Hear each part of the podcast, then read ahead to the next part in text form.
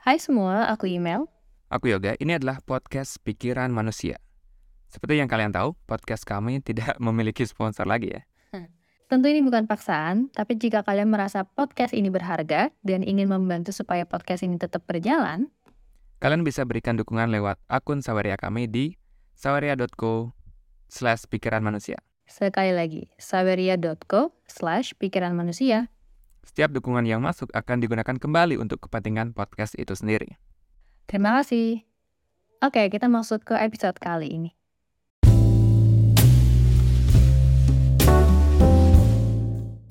Halo semuanya, kembali lagi di podcast Pikiran Manusia. Udah kayak podcaster-podcaster profesional ya kita nih, udah mulai ngikutin tren gitu. Ya gitu aja lah ya kita sekarang. Riding the wave aja gitu. Ya kalian tahu lah ya hari ini hari apa. Ya, eh, aduh gimana ya, geli juga ngomongnya. Hari hari kasih sayang gitu ya. Bukan budaya kita, enggak deh maksudnya. Jadi, berarti kita ngomongin cinta nih ya kali ini udah pasti lah. Tapi kenapa ya kok rasanya filsafat dan ngomongin cinta itu kayak nggak match aja gitu, kayak aneh gitu kan. Filsafat kan dikenal logis, rasional, dan dingin lah ya. Eh, tone-nya tuh dingin gitu. Tapi kalau cinta kan ya yang ada cerita-cerita tololnya, bucin, dan hal-hal yang menggelikan lainnya. Entah kenapa di otakku image filsuf dan cinta itu nggak bisa bersatu gitu loh, kayak minyak sama air gitu kan. Emang filsuf itu bisa jatuh cinta gak sih?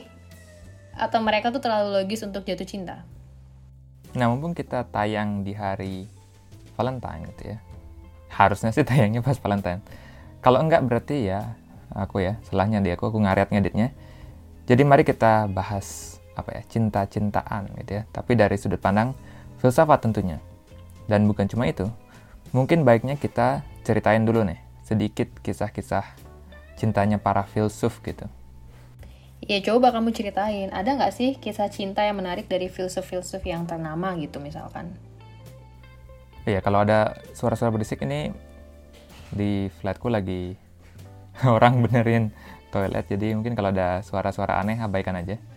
Eh, oh ya tadi ya kamu nanya tentang cerita gitu ya, cerita cintanya para filsuf. Tentu ada pastinya. Dan ya, ya filsuf tentu bisa jatuh cinta gitu kan. Orang mereka juga manusia kok gitu kan.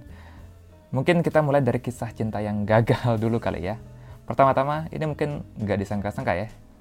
Kisah ini datang dari Friedrich Nietzsche. Lah kok dia nih yang pertama kali muncul namanya? Emang kenapa? Cintanya ditolak? Lebih rumit malahan. Ini bisa dibilang apa ya cinta segitiga kali ya. Jadi Nietzsche diperkenalkan uh, dengan seorang perempuan bernama Lou uh, Andrea Salome. Uh, diperkenalkan oleh temannya sendiri, Paul Rie. Lucunya, Nietzsche dan Rie sama-sama suka si Salome ini. Anjir, Salome lagi namanya. dan masing-masing pria ini sudah pernah coba nembak gitu ya, ngelamar si cewek ini malahan. Tapi Ray dan uh, Nietzsche sama-sama ditolak. Nietzsche ditolak dua kali malahan.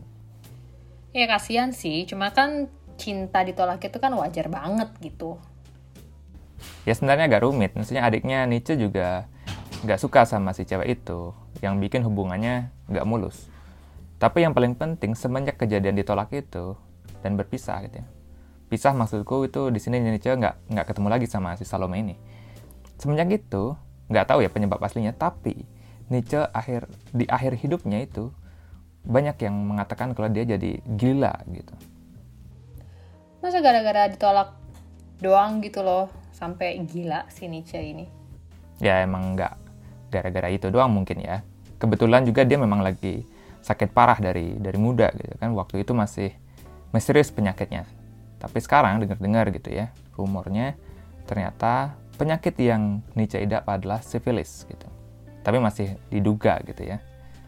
Uh, tapi emang dia juga selama hidupnya depresi gitu ya, terus sering sakit-sakitan sampai akhirnya dia berpindah-pindah tempat berkelana nyari daerah yang agak dingin gitu, yang suhunya cocok dengan badannya. Kayak dia di di Italia deh terakhir di, di Turin. Ya kasihan juga sih ya. Mungkin uh, cinta yang ditolak itu makin memperparah kondisinya yang dia udah punya sebelumnya gitu kali ya. Siapa lagi selain Nietzsche yang kisah cintanya uh, unik? Um, siapa lagi ya? Uh, mungkin Soren Kierkegaard ya, bapak eksistensialisme ini. Uh, udah pernah kita bahas, dia juga punya kisah cinta yang unik. Ditolak juga? Enggak, malahan uh, Kierkegaard udah sampai ke tahap tunangan sama wanita yang dia suka. Wanita tersebut bernama Regine Olsen. Bagus dong. Nah, tapi tiba-tiba Kierkegaard ragu akan keputusan pertunangan tersebut. Dia ragu apakah dia uh, bisa menjadi seorang suami yang baik. Karena ragu, Kierkegaard memutuskan untuk menyibukkan dirinya dengan menulis gitu ya, ngasih seminar, ngerjain disertasi untuk apa ya, gelar magister mungkin. Uh, sibuk pokoknya gitu kan. Intinya ngindarin Regine aja gitu ya.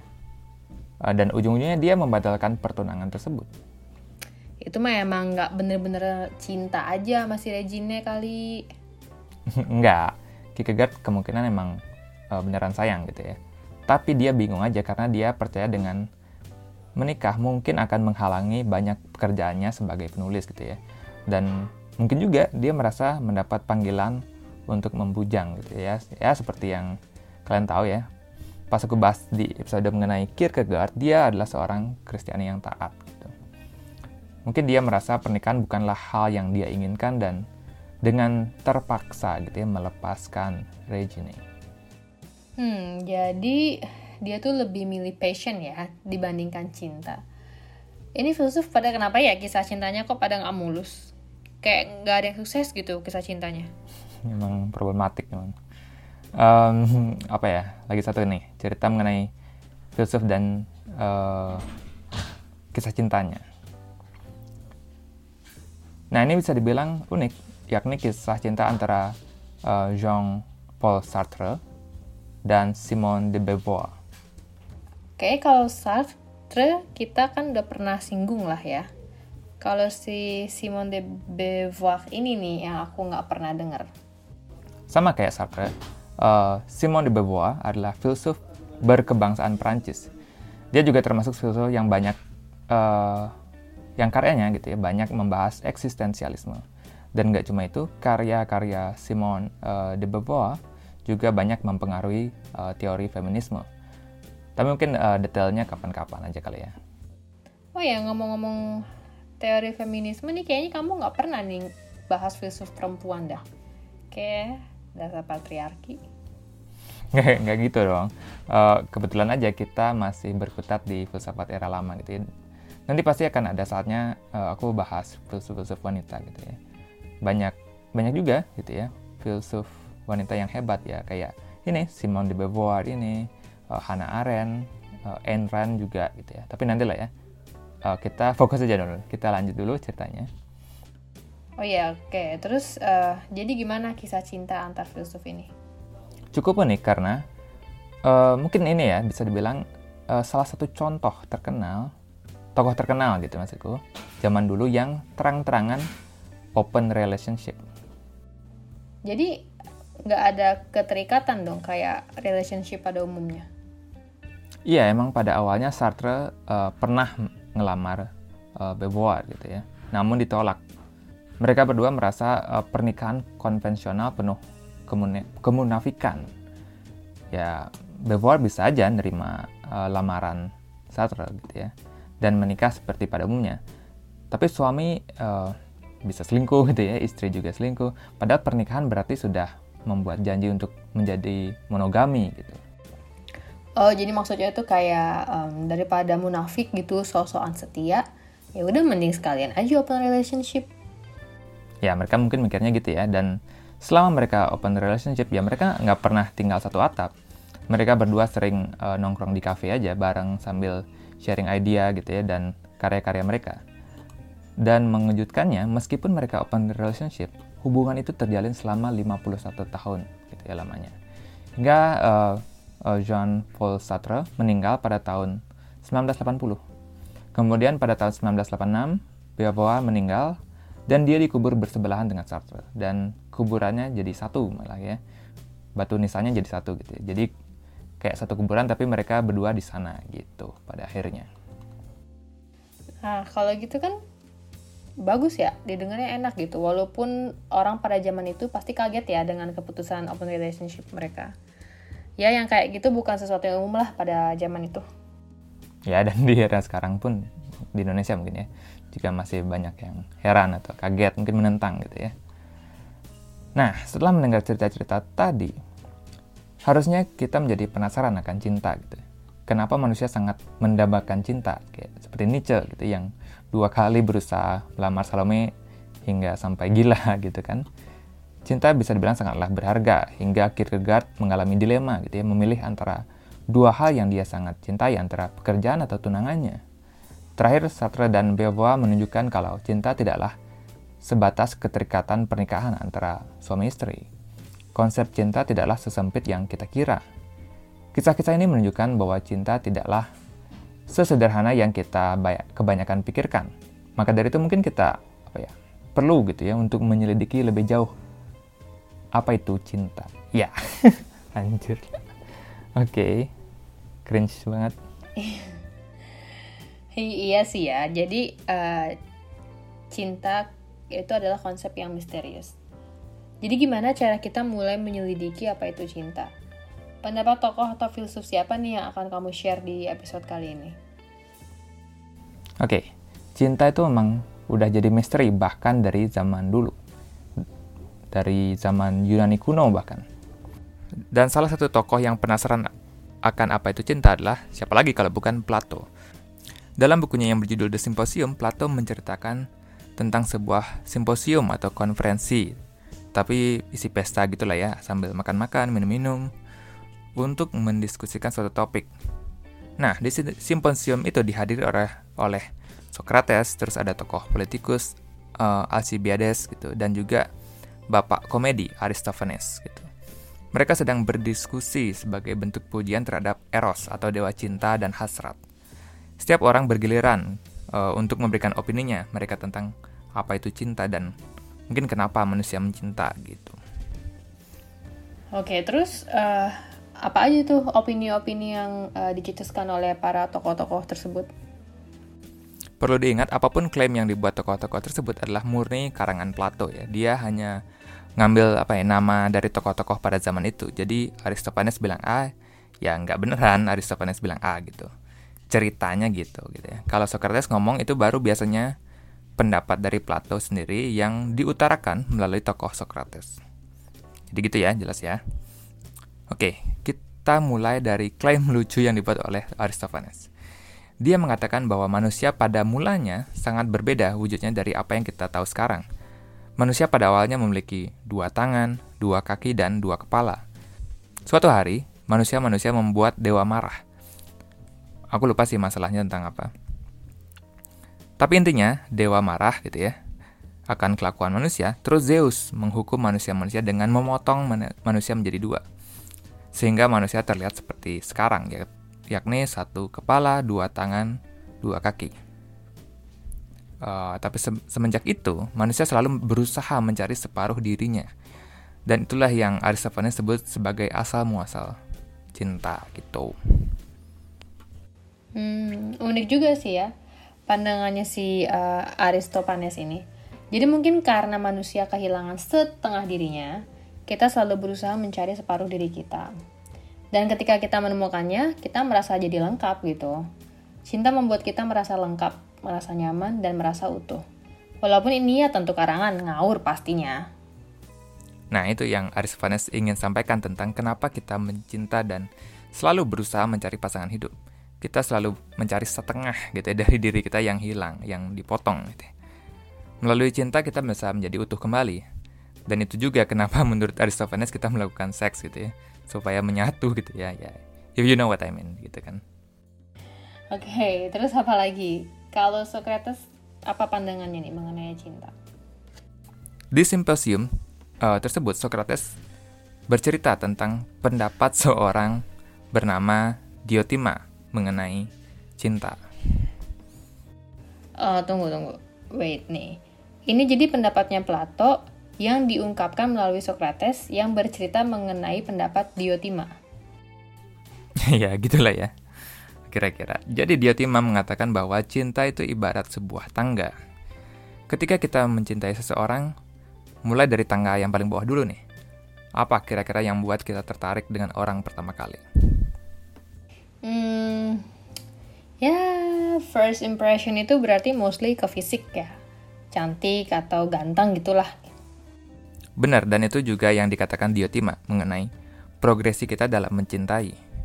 Yang pertama-tama yakni bodily love gitu ya, atau cinta akan tubuh atau fisik kita mencintai atau suka sama orang ya uh, karena fisiknya menurut kita menarik gitu kan tapi gitu ya itu doang tidak cukup gitu ya. Karena suatu saat ya kamu akan bosan gitu dengan badan itu. Body love gitu ya tidaklah selamanya. Manusia akan menua gitu dan mungkin tidak menarik lagi di mana di matamu. Maka dari itu kita harusnya berprogres dalam mencinta gitu ya. Kita uh, tumbuh bukan cuma cinta akan fisik doang, tapi kita naik ke tangga berikutnya. Ini ini tuh mungkin kayak Leonardo DiCaprio ya, yang pacarnya kalau udah lewat 25 tahun langsung ganti ke yang lebih muda gitu. Ya aku nggak bener-bener kenal Leo sih ya, nggak kenal sama sekali malah. Tapi image yang dia tunjukin ke publik kan ya kayak gitu. Jadi mungkin cintanya dia masih sebatas bodily love. Ya, dia, dia mungkin contoh orang yang kayak gitu ya setelah kita uh, bosan akan bodily love, ya, terus tangga berikutnya adalah tentu cinta akan jiwa. Uh, mungkin yang dimaksud oleh Diotima sebagai jiwa ya kepribadian kali ya. Kamu cinta akan sifat-sifatnya gitu ya, pemikirannya, tingkah lakunya, bukan lagi sebatas melihat fisik gitu. Oh berarti uh, next levelnya adalah cinta akan kepribadian. Tapi nih apakah ini tingkat tertinggi dari tangga yang dibilang Diotima? Masa dua anak tangga doang? ada lagi dong pasti yang lebih tinggi. Benar, dan menurut Diotima, manusia pada umumnya hanya berkutat gitu ya antara dua level ini. Cinta akan tubuh dan cinta akan kepribadian. Tapi walaupun cinta akan kepribadian adalah level yang lebih tinggi dari bodily love, hal yang sama juga akan berlaku pada kepribadian. Waktu terus berjalan, eh, dan suatu saat, kalian mungkin tidak menyukai lagi kepribadian seperti itu gitu ya. Atau sifat-sifat seperti itu. Kalian tumbuh menjadi pribadi yang berbeda dengan preferensi yang berbeda dan memiliki pemikiran yang baru. Ketika itu terjadi, awalnya yang kamu suka pribadi A gitu, anggaplah masih kekanak-kanakan, terus suka B yang lebih dewasa gitu ya. Berarti cinta akan jiwa ini belum setinggi itu. Nah, maka dari itu, Diotima mengatakan bahwa ada tingkatan cinta yang lebih tinggi lagi. Ada tingkatan apa lagi emang selain cinta akan tubuh dan jiwa? Nah, tingkatan yang terakhir menurut Diotima adalah menyadari bahwa setiap karakteristik tubuh dan kepribadian yang kamu cintai mungkin juga dimiliki orang lain. Maksudnya dengan menyadari itu gitu ya. Mungkin bisa sadar bahwa cinta bukanlah eksklusif merupakan hubungan antar dua manusia saja gitu ya, interpersonal. Kepribadian seseorang yang kamu cintai juga dibentuk oleh berbagai hal di dalamnya. Kita semua gitu ya dibentuk oleh lingkungan kita. Saat kamu menyadari hal itu, kamu akan ya mencintai kehidupan itu sendiri gitu ya mencintai keindah keindahan itu atau mencintai keindahan itu sendiri gitu. Cinta tidaklah harus eksklusif pada sesama manusia gitu. semakin tinggi kamu menaiki tangga cinta itu kamu merasakan cinta yang lebih universal gitu ya. Kayak cinta akan pengetahuan dan juga dan juga tentunya cinta akan kebijaksanaan. Inilah menurut Diotima cinta seperti tangga gitu. Hmm. menarik nih ya. Jadi Diotima atau mungkin Plato yang lebih tepatnya ya, membawa konsep cinta yang awalnya eksklusif hanya pada dua orang manusia, dibawa keluar dari itu menjadi lebih universal. Ya itulah konsep Platonic love yang sebenarnya ya. Uh, yang apa? Cintakan keindahan itu sendiri, dunia itu sendiri gitu ya. Kalau sekarang hubungan yang platonik kan cuma sekedar dianggap hubungan baik atau akrab tanpa ada romantisme atau keinginan seksual. Jadi itu ya, yang tadi itu konsep awal platonic love gitu. Hmm, iya ya. Ada kata Plato di sana. Iya, tapi maknanya mungkin udah bergeser ya sekarang. Oke, itu kan baru satu pandangan mengenai cinta. Filsuf siapa lagi yang kira-kira memiliki pendapat mengenai uh, topik cinta ini? Nah, tadi kan udah pandangan yang positif ya mengenai cinta. Gimana kalau sekarang kita melihat dari kacamata yang lebih pesimis gitu? Kenapa filsuf yang satu ini pesimis? Kayaknya dia kebanyakan ditolak apa gimana dah cintanya? Kurang tahu ya, mungkin aja ya. Nah, filsuf satu ini bernama Arthur Schopenhauer. Ya. Kayaknya udah pernah aku singgung ya, tapi entah di mana gitu ya. Nah, intinya Schopenhauer terkenal dengan konsep the will to life gitu ya, yang dia cetus atau keinginan atau hasrat untuk hidup. Hasrat inilah yang mampu menggerakkan kehidupan ini. Kalau enggak ya dunia tidak akan menjadi seperti yang kita kenal. Hmm, mungkin maksudnya uh, Schopenhauer ini tanpa ada keinginan untuk hidup, kita nggak akan ada keinginan untuk makan, nggak niat kerja atau nggak niat ngapain apa pun itulah. Benar, tapi menurut Schopenhauer karena hasrat untuk hidup itulah juga alasan kenapa manusia menderita. Jadi itu ya yang membuat kita menderita. Gitu. Ya gimana ya? Namanya kan pengen hidup ya, pasti ada aja perjuangannya gitu. Ya emang agak edgy emang ini. Oke, tapi uh, apa pandangannya mengenai cinta? Kalau kita hubungkan konsep the will to life yang dia cetuskan, berarti ketika kita pikir kita mencintai seseorang dan ingin menikah gitu ya, ingin membangun keluarga, punya anak, itu hanyalah uh, itu hanyalah the will to life yang bekerja. Ya berarti cinta menurut Schopenhauer hanyalah pendorong untuk meneruskan kehidupan ini ke generasi berikutnya. Jadi maksudnya cinta itu kayak ilusi gitu, halu gitu untuk membuat kita mau punya anak aja gitu. ya begitulah ya kayak yang aku bilang tadi, emang cara pandangnya dia lebih pesimis terhadap segala hal. Dia juga bilang ketika tujuan itu tercapai, maksudnya kita berhasil punya penerus gitu ya keturunan, ya cinta itu mungkin udah nggak perlu. Dan ketika nggak perlu, mungkin pindah ke anak gitu ya. Hal ini membuat ilusi terhadap pasangan itu hilang dan membuat kebanyakan uh, orang tentu nggak semua ya, merasa terjebak dalam pernikahan, merasa hidup dengan partner yang menyebalkan seumur hidupnya. Hmm, masuk akal ya. Cuma cara dia mengatakan cinta hanyalah ilusi untuk kita mau memiliki keturunan doang itu kayak pasti bikin banyak orang gak seneng dong. Ya karena hampir seluruh umat manusia, terlepas dari negara apa ya, budayanya apa, semua, semua menganggap cinta itu adalah konsep yang dinilai sangat penting. Ya, tapi bukan berarti Schopenhauer meremehkan cinta itu sendiri ya. Dia tetap mengakui bahwa cinta adalah hal penting ya. Dia bahkan bilang cinta itu uh, the greatest force in human life. Kayak gaya pendorong paling kuat di hidup manusia. Oke, berarti kita udah lihat nih dua sudut pandang yang berbeda mengenai cinta. Ada yang bilang cinta itu adalah sebagai tangga, ada yang menganggap ya cinta itu hanyalah ilusi. Adil lah ya, menampilkan dua sudut pandang yang berbeda.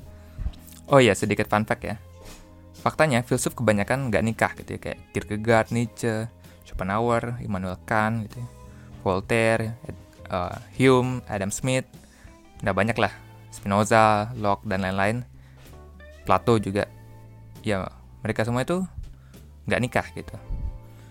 Karena nggak nikah, mereka juga kebanyakan nggak punya anak. Harusnya bisa sih kita ngomongin apa filsuf dan child free kali ya, mumpung apa lagi viral gitu. Tapi ya ini dulu lah ya. Yang penting jadi dulu episode ini. Oke, itu dulu kali ya untuk episode kali ini. Sekarang kita ada di noise. Jadi, kalian bisa komen-komen apakah kalian setuju dengan Plato atau Schopenhauer? Atau justru kalian punya pandangan yang berbeda sendiri nih mengenai apa itu cinta? Oke, gitu kali ya. Untuk episode kali ini. Thank you masih mau dengerin. Bye. Bye, I love you. di అల్లాయిలు